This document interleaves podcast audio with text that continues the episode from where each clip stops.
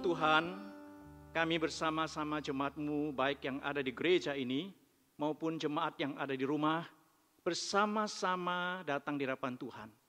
Ingin menyembahmu dan saat ini juga kami ingin mendengarkan sabdamu Tuhan.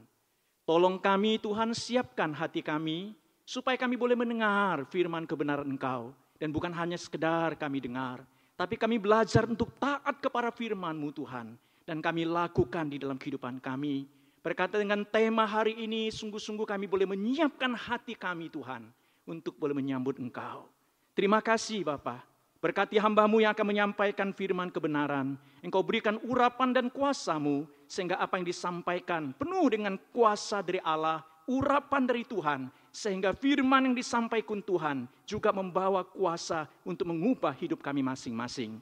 Terpujilah engkau ya Tuhan, di dalam nama Tuhan Yesus Kristus kami berdoa. Amin. Shalom Bapak Ibu Saudara sekalian yang dikasih Tuhan. Sungguh bersyukur kepada Tuhan. Pada tahun ini kita boleh di, Tuhan izinkan untuk memasuki di bulan Desember dan bahkan minggu ini kita memasuki Advent yang kedua. Dan kita akan merenungkan satu tema yang telah diberikan kepada saya, yaitu siapkah hatimu. Ada satu ayat firman Tuhan, Lukas pasal 2 ayat 7, yang kita akan baca. Bahkan saya ingin mengajak kita untuk membaca mulai dari ayat pertama sampai ayat yang ketujuh. Dan ayat yang ketujuh kita ulangi sebagai penekanan khotbah kita pada pagi hari ini.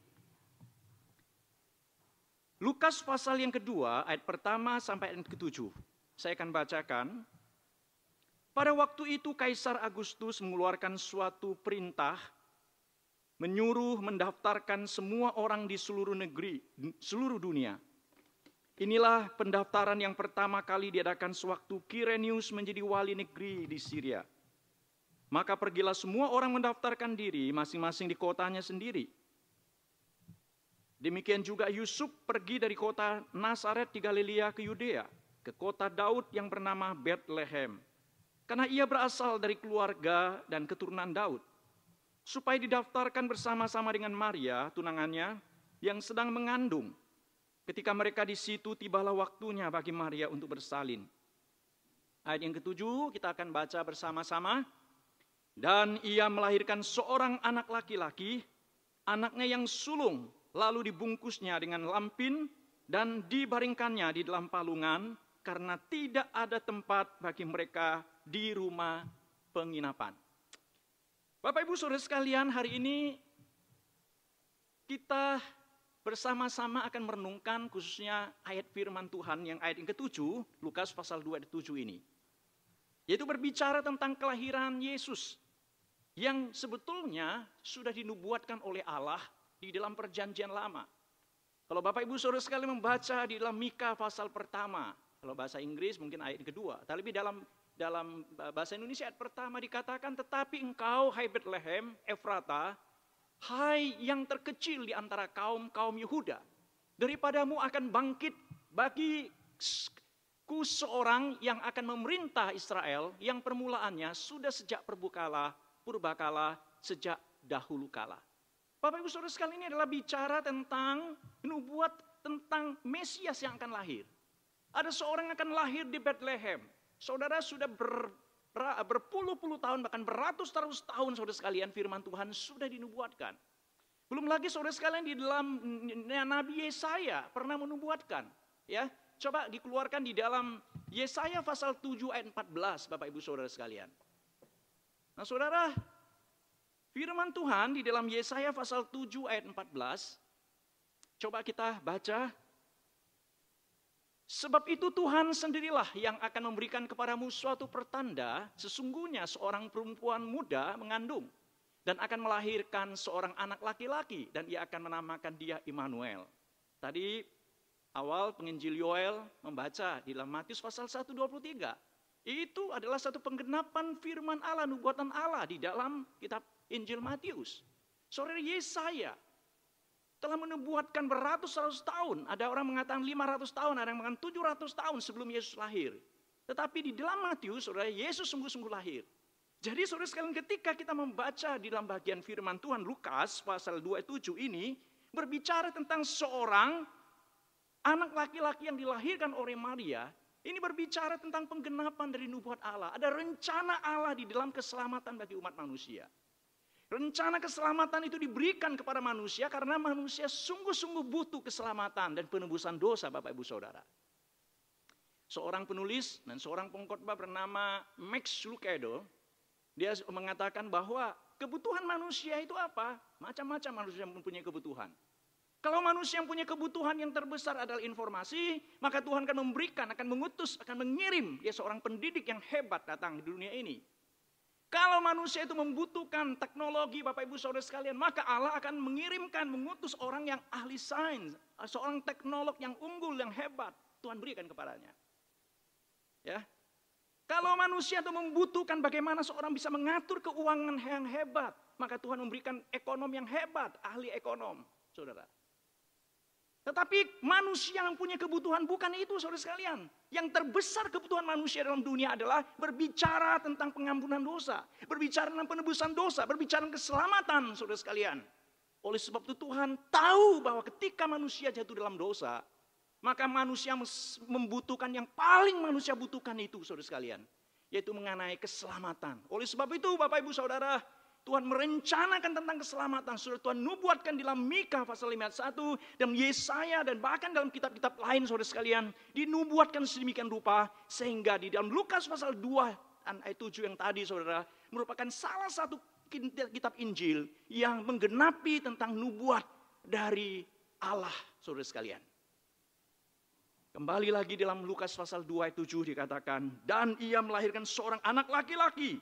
Dan anaknya yang sulung selalu dibungkusnya dengan lampin dan dibaringkannya di dalam palungan karena tidak ada tempat bagi mereka di rumah penginapan itu. Saudara dalam ayat ini saudara kalau kita baca dengan teliti dan kita renungkan saudara. Saya menumpukan paling tiga, ada tiga kebenaran penting yang akan kita renungkan bersama pada pagi hari ini Bapak Ibu Saudara sekalian. Yang pertama Bapak Ibu Saudara kebenaran itu berbicara tentang siapakah Yesus yang lahir itu saudara sekalian. Bapak Ibu Saudara siapakah Yesus yang lahir? Ini disampaikan bahwa Yesus yang lahir itu dikatakan seorang anak laki-laki Anaknya yang sulung, yang dibungkus dengan lampin, saudara. Ini berbicara tentang kelahiran Yesus ketika di Bethlehem, saudara. Saudara tahu sejarah mengatakan semua anak-anak Yahudi ketika dia dilahirkan, saudara dimandikan, ya. Lahirkan, dimandikan, kemudian digosok-gosok dengan garam, kemudian setelah itu apa? Dibungkus dengan kain yang disebut dengan lampin itu. Tetapi saudara bukan hanya berhenti di situ, saudara. Dikatakan Yesus yang lahir itu dikatakan ditaruh di dalam Dibung, di, di, dikatakan dibaringkan dalam sebuah palungan. Palungan itu apa? Banyak orang itu selalu mendramatisi dan mengatakan palungan itu, wah Yesus itu lahir di kandang binatang dan sebagainya. Tapi kalau kita baca Alkitab tidak disebutkan dengan kandang binatang dan yang lain-lain. Tapi palungan itu apa saudara sekalian? Palungan itu adalah tempat makanan ternak. Ya di situ ada jeraminya, ada jerami kering, ada rumput kering. Dan Yesus itu lahir ditaruh dikatakan di tempat palungan itu saudara sekalian. Itu tempat yang menggambarkan tentang kehinaan saudara kasih dalam Tuhan. Orang-orang yang di, di, di Yahudi pada zaman Yesus, menurut arkeolog, rumah orang-orang pada waktu itu biasanya ada lantai atas, lantai bawah. Kalau lantai atas, saudara digunakan untuk tamu, ruang makan, ruang tidur, ya, tamu-tamu. Sedangkan di lantai bawah, saudara sekalian, itu adalah tempat untuk menampung ternak-ternak. Ada ternak yang masih kecil, yang masih masih apa atau sakit, biasa ditaruh di situ, saudara di lantai bawah. Nah Tuhan Yesus itu lahir saudara sekalian di lantai bawah. Yang lantai utama itu, lantai atas itu yang untuk tamu-tamu itu kenapa mereka bisa, dipakai? Ya, para penafsir mengatakan karena dalam ayat firman Tuhan yang tadi kita balas dibaca dalam konteks itu bahwa terjadi ada pendaftaran banyak keluarga-keluarga kembali ke Bethlehem. Saudara sekalian mereka mengadakan ada satu acara sensus yang besar. Sehingga rumah-rumah itu saudara sekalian dipenuhi orang anggota-anggota keluarga. Sehingga tempat itu sudah tidak ada saudara sekalian. Lalu Yesus itu lahir. Di tempat makanan binatang tadi. Saudaraku kasih dalam Tuhan yang disebut dengan palungan. Hari ini saya mengajak kita untuk menungkan bahwa Yesus itu adalah raja di atas segala raja. Tuhan di atas segala Tuhan. Dia adalah anak Allah yang maha tinggi Bapak Ibu Saudara sekalian. Ketika dia datang ke dalam dunia ini Saudara sekalian dia mengambil dia wujud manusia dan kemudian dia lahir di tempat yang paling hina yaitu di mana? Di palungan itu. Sekarang pertanyaannya lah, kenapa Yesus mau mengambil rupa menjadi manusia kemudian lahir di tempat yang itu? Yang begitu sederhana, yang begitu hina ini Saudara. Bapak Ibu Saudaraku kasih dalam Tuhan, Saya bayangkan gini, kalau Tuhan itu mau suruh malaikat, eh malaikat siapkan tempat yang bagus, ya. Bisa enggak? Bisa. Allah bisa siapkan tempat yang bagus. Waktu saya kecil, saya waktu jadi anak sekolah minggu bertanya kepada masih ingat saya tanya kepada guru saya. Saya tanya guru, kok Yesus itu kok Tuhan Yesus kok lahir di tempat di palungan? Nggak ada loh orang-orang yang lahir di tempat palungan, tempat apa tempat taruh makanan ternak dan yang lain-lain dan sebagainya nggak ada loh. Kenapa Tuhan Yesus taruh, lahir di tempat yang lebih nggak taruh tempat yang lebih bagus kek? Ya, di mana? Mungkin di rumah yang bagus kek, kemudian di hotel kek, atau di istana kek. Lu kenapa Tuhan Yesus lahir di palungan? Saudara sekalian, waktu anak kecil saya sekolah minggu, saudara sekalian, saya sempat tanya kepada guru itu. Dan kemudian semakin besar, semakin besar saya semakin tahu. Sore hari ini Bapak Ibu Saudara sekalian, kita merenungkan kembali di saat-saat di masa Advent yang kedua, kita mempersiapkan hati kita untuk menyambut Natal ini. Yesus kenapa dia lahir di palungan, di tempat yang hina. Kita coba bayangkan saudara sekalian, kalau umpamanya Tuhan Yesus lahir di istana, bagi orang-orang majus untuk datang kepada dia tidak masalah saudara sekalian. Tapi pertanyaannya bagi bagi gembala-gembala, bisa enggak dia masuk ke istana saudara sekalian? Susah. Saudara ada seorang teman kata diundang di istana saudara sekalian. Ya istana. Ya diundang oleh presiden. Waktu dia pergi ke istana saudara sekalian. Tahu-tahu dia dia halang. Enggak boleh masuk. Kenapa dia enggak boleh masuk? Karena dipakai celana jin saudara. Ruwet kan? Rumit kan? Saudara? Saudara bayangkan. Ya. Diundang oleh presiden. Tapi tahu-tahu saudara dia halang enggak boleh masuk. Karena apa? Pakai jin enggak boleh masuk. Saudara bayangkan kalau Tuhan Yesus lahir di istana yang begitu bangga, begitu mulia. Wah saudara hanya orang-orang tertentu bisa masuk. Saya tanya itu gembala-gembala bisa masuk? Enggak, enggak, enggak bisa masuk saudara sekalian. Akan beribu-ribu kali akan berpikir bagaimana bisa mencapai, bisa datang kepada Tuhan itu. Tapi kita bersyukur kepada Tuhan kalau Alkitab mengatakan kepada kita bahwa Tuhan itu lahir bukan di tempat istana yang mulia itu. Bukan di tempat yang megah, tapi Tuhan Yesus lahir di palungan tempat yang hina. Untuk apa, saudara sekalian? Supaya semua orang, baik orang kaya, baik orang miskin, saudara khususnya orang-orang hina, mereka bisa datang, boleh menyembah ke Tuhan, boleh berjumpa dengan Tuhan. Ini tujuan daripada Allah, saudara sekalian. Termasuk hari ini banyak orang-orang mengatakan, saya nggak bisa datang kepada Tuhan. Saya ini orang berdosa, orang yang hina, orang-orang dibuang oleh orang lain, Orang digeser oleh orang lain. Saya rasanya tidak punya muka Tuhan. Saya nggak bisa berjumpa dengan engkau. Salah saudara sekalian. Ketika engkau merenungkan bagian firman Tuhan hari ini. Engkau tahu. Tuhan datang di tengah-tengah kehinaan itu. Dia meninggalkan segala tata yang mulia untuk datang menjadi manusia. Bahkan di kalau saudara baca dalam Filipi pasal 27 Tuhan mengatakan dia mengosongkan dirinya kenosis. Dia mengambil rupa menjadi manusia, menjadi seorang hamba, saudara sekalian. Menjadi seorang pelayan. Dan Tuhan wujudkan dalam hidupnya, saudara sekalian, sebagai seorang pelayan.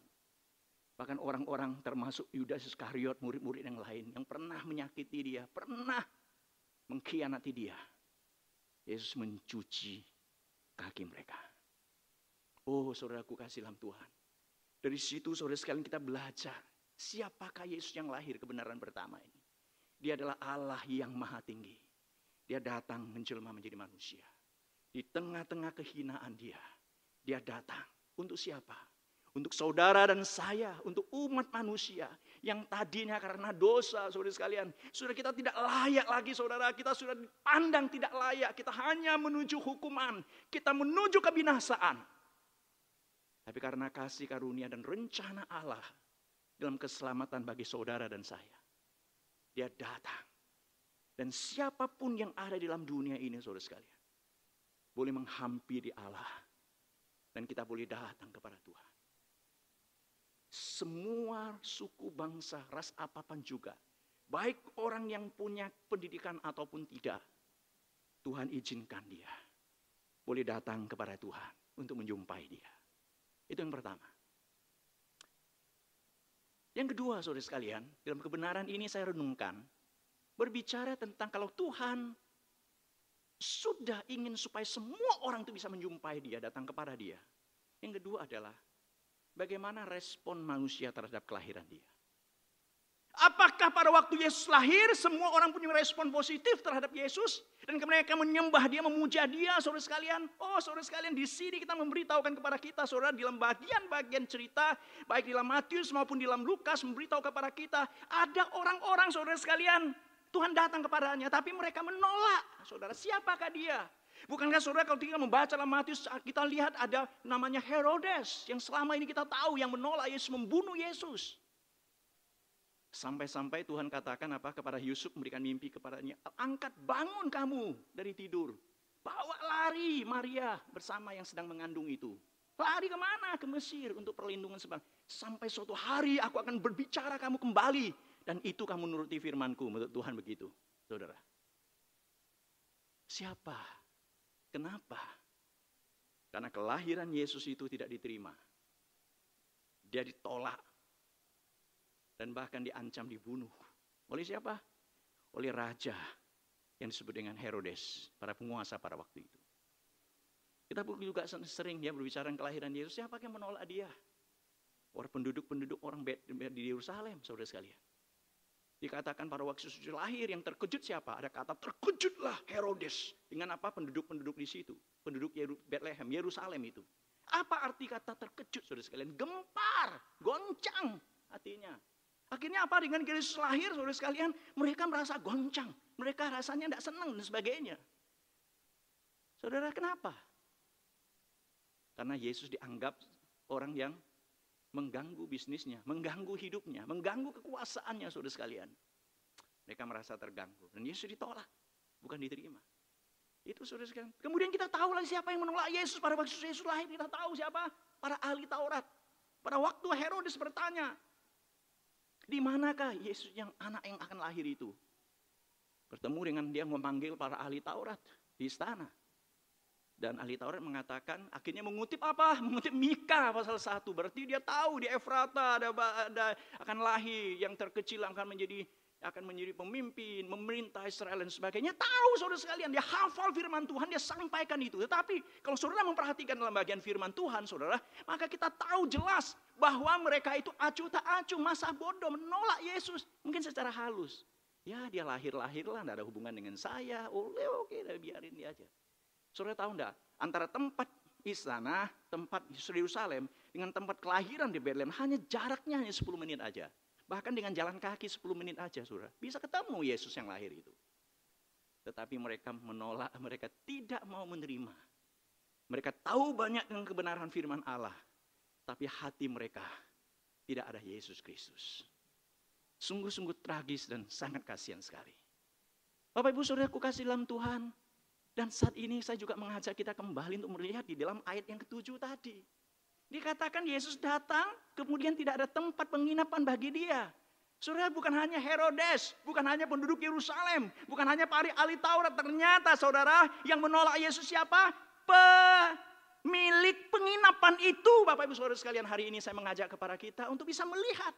Bahwa ada penginap-penginap yang mengatakan no room for Jesus. Nggak ada lagi kamar, nggak ada tempat bagi Yesus. Saudara ketika saya membaca penafsiran ada seorang yang mengatakan ini ini orang, ini pemilik ini, penginapan ini, ini kurang ajar sekali. Itu mereka pemilik ini sungguh-sungguh tidak peduli dengan manusia. Bayangkan saudara sekalian, ya. Seorang perempuan yang hamil yang sudah susah sedemikian rupa mau cari tempat untuk melahirkan. Tetapi saudara, tidak ada tempat. Izinkan tempat itu. Dan disuruh saudara sekalian di palungan, lahir di situ. Tapi penafsir mengatakan, kalau orang itu adalah orang yang kaya, Orang yang punya kedudukan, dia minta kamar. Walaupun sulitnya saudara sekalian, pasti akan dicarikan saudara. Kayak pikir-pikir saudara sekalian, ada benarnya juga. Saudara, oleh sebab itu pemilik penginapan itu yang menolak Yesus itu adalah gambaran orang yang menolak Yesus dan orang yang tidak punya pri kemanusiaan. Saudara, dan hatinya sungguh-sungguh tertutup. Hati nuraninya sungguh-sungguh tidak ada. Begitu kasihan. Ya. Saudara, tetapi itulah Tuhan izinkan terjadi untuk lahir di palungan di tempat yang hina itu. Dan tentunya Tuhan punya maksud dan rencana tadi. Supaya orang-orang yang paling hina pun saudara sekalian. Bisa datang kepada Tuhan. Saudara, hari ini kembali bertanya kepada kita. Siapkah hatimu, Bapak Ibu Saudara?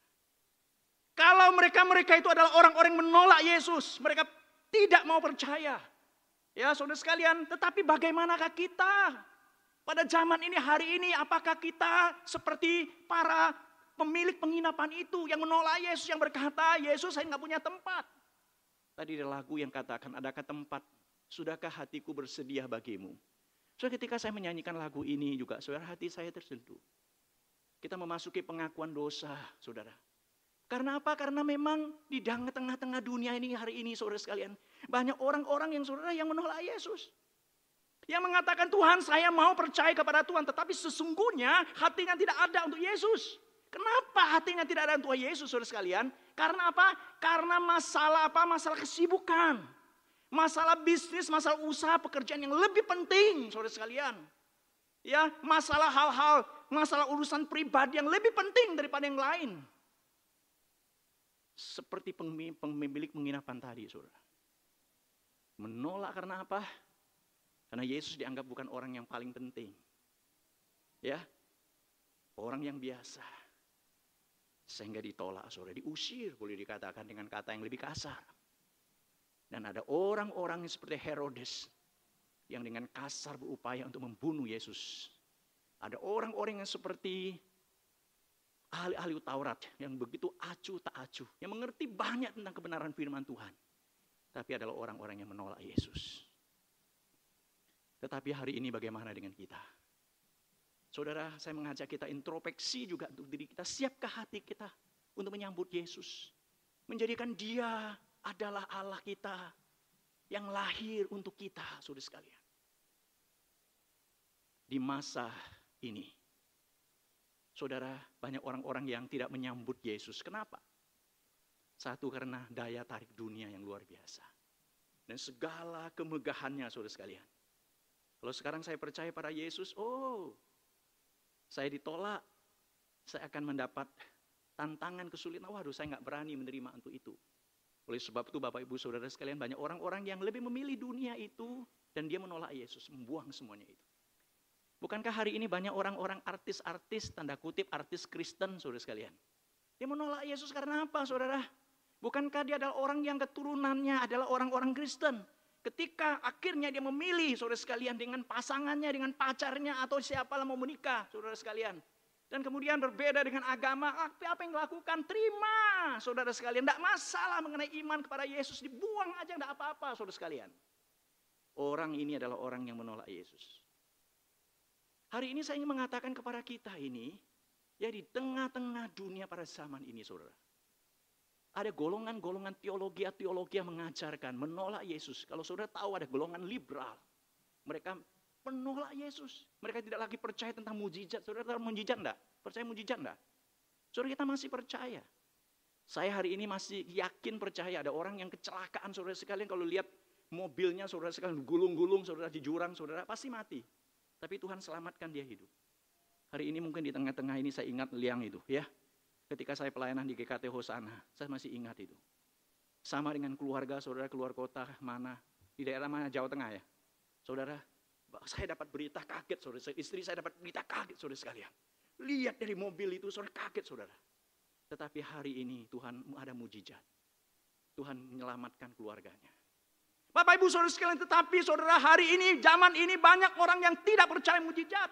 Mereka tidak lagi tentang percaya kepada Yesus sebagai Tuhan, Yesus satu-satunya.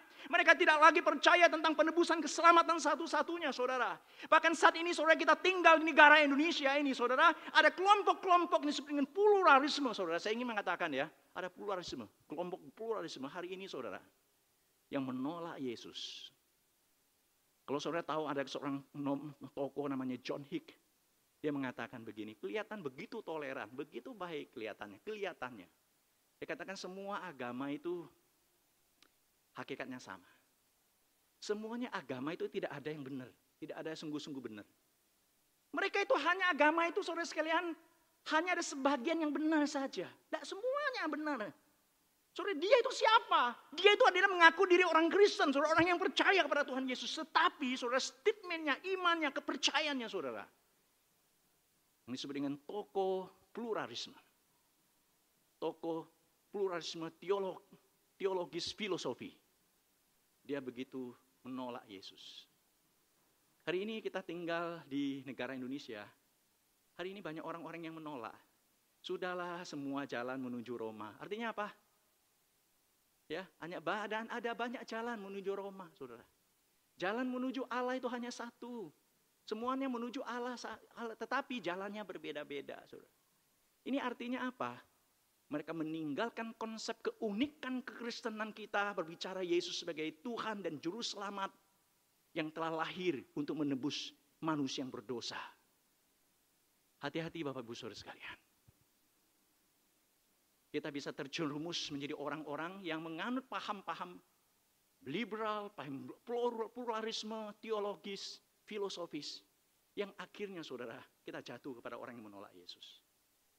Saudara orang yang menolak Yesus itu ada yang terang-terangan dengan kasar saudara sekalian yang menolak Yesus. Ya ada yang kasar. Tapi saudara tahu enggak ada orang yang menolak Yesus. Ya mereka tidak lagi menyambut Yesus dengan halus. Dia menolak. Saudara saya katakan dengan konsep pluralisme tadi. Nah, sudahlah kita hidup di negara semua agamanya sama. Kita semuanya hanya sedikit agama masing-masing benar. Lalu kita bisa datang dan sebagainya. Padahal Alkitab mengatakan apa? Yohanes pasal 3 16 karena begitu besar kasih Allah akan dunia sehingga dia mengaruniakan anaknya yang tunggal supaya barang siapa yang percaya kepadanya tidak binasa melainkan beroleh hidup yang kekal. Yohanes pasal 14 16 dengan jelas mengatakan karena apa? Akulah jalan kebenaran dan hidup. Tidak seorang pun yang datang kepada Bapa kalau tidak melalui aku. Itu satu ayat yang sangat jelas saudara sekalian yang memberitahukan kepada kita dan Tuhan Yesus juga memberitahukan kepada kita mengajarkan suatu kebenaran. I'm apa akulah jalan, I'm the way. Dia tidak mengatakan I'm a way, salah satu jalan enggak. Tuhan katakan aku adalah apa? Aku adalah the truth, kebenaran itu satu-satunya. Dia tidak mengatakan a truth, the truth saudara sekalian. Dia tidak mengatakan a life, tapi the life, hidup itu saudara. Dia bukan hanya menawarkan hidup supaya kamu bisa masuk surga. Tapi Tuhan mengatakan akulah hidup satu-satunya yang membawa kamu kepada keselamatan itu. Siapkah hati kita menyambut Yesus? Dengan senantiasa meninggikan dia, percaya kepada dia, dan kita sungguh-sungguh meyakini bahwa dialah keselamatan kita satu-satunya yang telah lahir itu. Dan yang terakhir Bapak Ibu Saudara sekalian.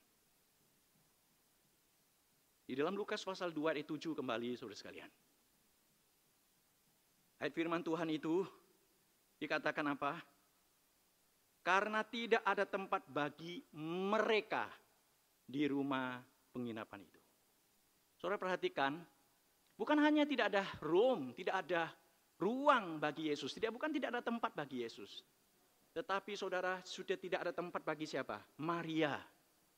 Tidak ada tempat bagi dia. Tidak ada tempat bagi Yusuf. Saudara, ternyata hari ini saudara bukan hanya orang yang menolak Yesus, tetapi dia menolak siapa? Menolak Yusuf, menolak siapa? Menolak Maria. Hari ini dan setelah kita membaca bagian firman Tuhan ini ingin memberitahukan kepada kita bahwa kita orang-orang yang percaya kepada Tuhan Yesus bukan hanya Yesus ditolak tetapi pengikutnya saudara dan saya kita juga ditolak oleh dunia ini. Dan Tuhan Yesus pernah mengatakan dengan jelas Bapak Ibu Saudara sekalian ya bahwa kita ini adalah milik Allah. Tuhan sudah selamatkan dari dunia ini. Dunia menolak kita. Dunia membenci kita, saudara. Yaitu orang-orang yang percaya kepada Tuhan. Oleh sebab itu hari ini saya ingin mengajak kepada kita, lihatlah satu kenyataan yang hidup di tengah-tengah iman kepercayaan kita. Jangan berpikir Bapak Ibu Saudara sekalian hidupnya kita percaya pada Tuhan Yesus, wah lancar aja hidupnya kayak jalan tol, tidak ada masalah, tidak ada pergumulan. Oh saudara sekalian tidak. Termasuk pada hamba-hamba Tuhan kita punya pergumulan-pergumulan untuk melawan dunia ini. Kita punya pergumulan-pergumulan untuk hidup dalam kebenaran dan kemudian kita menentang ketidakkebenaran. Ketika kita menentang ketidakkebenaran Bapak Ibu Saudara sekalian, ada hal-hal yang kita terima, ada hal-hal yang mungkin sesuatu ada, ada ejekan, ada penolakan, ada penganiayaan, ada ada siksaan apa pun Saudara sekalian yang kita bisa alami dan bahkan bisa ancaman jiwa.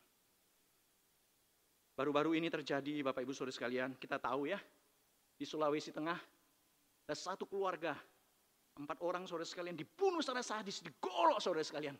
Ada dibunuh ada namanya kepala keluarga namanya Yasa.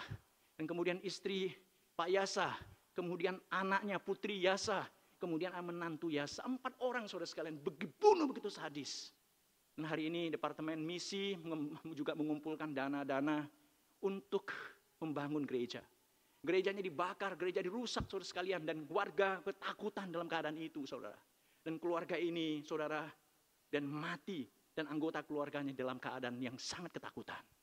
Bapak Ibu Saudara sekalian, siapakah jemaatnya? Mereka adalah orang bala, anggota balai keselamatan, eh, apa bala keselamatan. Mereka percaya kepada Tuhan Yesus. Sekarang pertanyaannya Saudara sekalian, kenapa hal ini terjadi Saudara sekalian? Pertama, Tuhan izinkan terjadi. Tetapi inilah Tuhan pernah katakan bahwa ketika kita percaya kepada Tuhan Yesus, bukan hanya Yesus saja ditolak, tetapi para murid-muridnya, orang-orang yang percaya kepadanya, kita juga ditolak bahkan akan mengalami sebagai ancaman dan pembunuhan. Tapi Bapak Ibu Saudara, janganlah kita takut. Karena Tuhan berkata, manusia, orang pengusaha mungkin bisa membunuh jiwa apa namanya? fisik kita, tubuh kita. Tapi dia tidak bisa membunuh jiwa kita. Ini janji-janji yang menguatkan kita. Saudara, kalau saudara baca di dalam Petrus pasal 1 Petrus pasal 2 67, 6 sampai 7. Saudara pernah Petrus memberikan gambaran bahwa Yesus itu adalah batu penjuru itu. Saudara tahu batu penjuru itu apa? Dalam rumah, dalam kebiasaan perjanjian lama, perjanjian baru, saudara sekalian mereka bangun rumah, itu adalah batu penjuru, batu pengikat, batu pojok, saudara sekalian, mengikat bangunan-bangunan yang lain. Kalau tidak ada batu penjuru itu, Bapak Ibu, Ibu saudara sekalian, semua bangunan itu hancur, saudara sekalian akan rusak. Maka ketika Petrus mengatakan Yesus itu adalah batu penjuru, Tuhan Yesus, Petrus menggambarkan bahwa Yesus itu adalah juru selamat. Dia itu adalah membawa kebahagiaan, dia membawa keselamatan. Dia membawa suatu kebahagiaan bagi orang-orang yang percaya, saudara sekalian. Tetapi sayangnya banyak orang-orang yang menolak batu penjuru, menolak Yesus itu. Dan Petrus mengatakan, orang-orang yang menolak itu, saudara, mereka itu akan dipermalukan. Mereka bahkan dikatakan di dalam Lukas pasal 28, mereka akan retak dan hancur, remuk dan hancur Bapak Ibu Saudara. Oleh sebab itu saya ingin mengatakan kepada kita, marilah kita orang Kristen di tengah-tengah pergumulan apa pun juga. Di masa-masa pandemi kita memasuki Advent yang kedua, kita mau mempersiapkan diri masuk Natal. Ingatlah di masa-masa sulit ini yang kita hadapi. Bahkan ada kesulitan yang lebih parah lagi saudara sekalian. Ada virus yang menyerang dan sebagainya. Ada tantangan-tantangan yang lain yang mungkin akan mengancam nyawa saudara. Dan di situlah saudara, kita dibutuhkan untuk terus bertahan dalam iman sungguh-sungguh percaya pada Tuhan.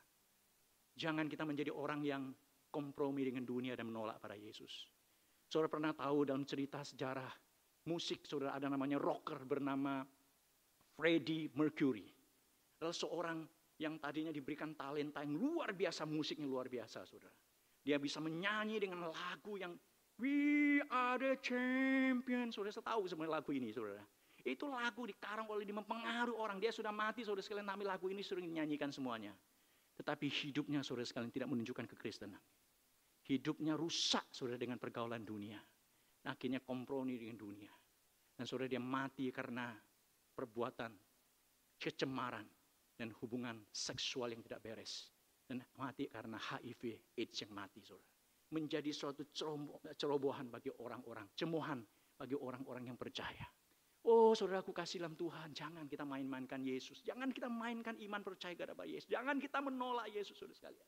Saudara, saudara, jangan kita seperti Yudas Iskariot Saudara tahu Yudas Iskariot adalah murid yang bersama dengan Tuhan. Beberapa Tuhan izinkan dia. Tuhan berikan, Tuhan menyuci kakinya. Tuhan memberikan kesempatan dia melihat kasih.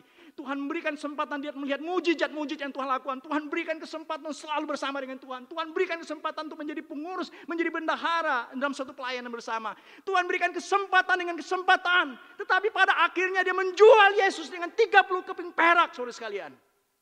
Hatinya tidak dikuasai oleh Tuhan. Hatinya dikuasai oleh dunia orang yang tidak menyambut Yesus. Dan meninggalkan Yesus. Saudara jangan main-main. Akibat daripada orang yang demikian. Firman Tuhan mereka akan remuk dan hancur. Dan kita juga tahu bagaimana akhir daripada Yudas Iskariot. Kemudian dia menggantung diri dan mati. Bahkan perutnya dikatakan terbelah. Saudara yang hari kemudian di Alkitab mencatat sebagai hakal dama. Yaitu tanah darah. Untuk mengingat peristiwa yang pernah terjadi orang-orang mengkhianati Yesus. Kiranya Tuhan menolong kita. Di tengah-tengah masa pandemi kita merayakan Natal, memasuki masa Advent, memasuki Natal. Ingatlah, bukan meriahnya, bukan perayaan-perayaan yang berlebihan. Tapi ingatlah Tuhan datang dengan kesederhanaan solidaritas. Dia adalah Allah yang telah datang. Untuk siapa? Untuk saudara dan saya. Semuanya tu ingin Tuhan supaya semua orang-orang bisa percaya dan mengenal dia. Tapi saudara realitanya ada orang-orang yang menolak dia. Baik secara kasar maupun halus, baik terang-terangan maupun sembunyi. Tapi bagaimana dengan kita? Janganlah kita seperti golongan mereka. Tapi marilah kita menjadi orang-orang yang sungguh-sungguh menyiapkan hati kita. Menyambut Yesus. Yang menjadikan hati kita tersedia bagi Tuhan. Bukan hanya ini mulut dengan kata-kata, tetapi kita dengan hati kita, dengan wujud kita yang mengandalkan Tuhan, wujud kita, hidup kita untuk bersyukur kepada Tuhan, wujud kita untuk boleh menerima keselamatan dan membagikan keselamatan kepada orang lain. Bila damai sejahtera Tuhan, sungguh-sungguh nyata dan dirasakan oleh semua orang. Kiranya Tuhan berkati kita. Mari kita masuk dalam doa. Bapak terima kasih kepadamu karena engkau telah berbicara kepada kami. Kami rindu supaya Tuhan terus berkarya dan Tuhan memimpin. Dan biarlah firman Tuhan disampaikan boleh menjadi berkat bagi setiap kami. Baik hamba Tuhan yang menyampaikan maupun setiap kami yang mendengarkannya. Meteraikanlah firman-Mu Tuhan di dalam hidup kami masing-masing. Roh Kudus menuntun kami dan memimpin hidup kami. Menjadi orang-orang yang sungguh-sungguh dapat menyambut kelahiran Yesus. Menyambut kedatangan Tuhan Yesus. Bukan hanya Waktu kami memperingati Natal menyambut Yesus yang lahir. Tapi kami juga menyambut Yesus yang akan datang kembali kedua kalinya. Tuhan memberkati. Dalam nama Tuhan Yesus kami berdoa. Amin.